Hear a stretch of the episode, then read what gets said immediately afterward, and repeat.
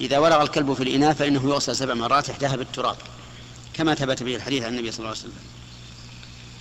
وقد قاس بعض الفقهاء على الكلب الخنزير لكن هذا القياس غير صحيح. لأن الخنزير تحدث الله عنه في القرآن وهو معروف ومع ذلك لم يلحقه النبي صلى الله عليه وسلم بالكلب. وكل شيء وجد. سببه في عهد الرسول عليه الصلاة والسلام ولم يحكم فيه بشيء فإنه لا يصح أن يحكم فيه بشيء يخالف ما كان عليه في عهد النبي صلى الله عليه وسلم. وعلى هذا فالخنزير كغيره من نجاسته كغيره من, كغيرها من النجاسات. إذا ولغ في الإناء ما نغسل سبع مرات.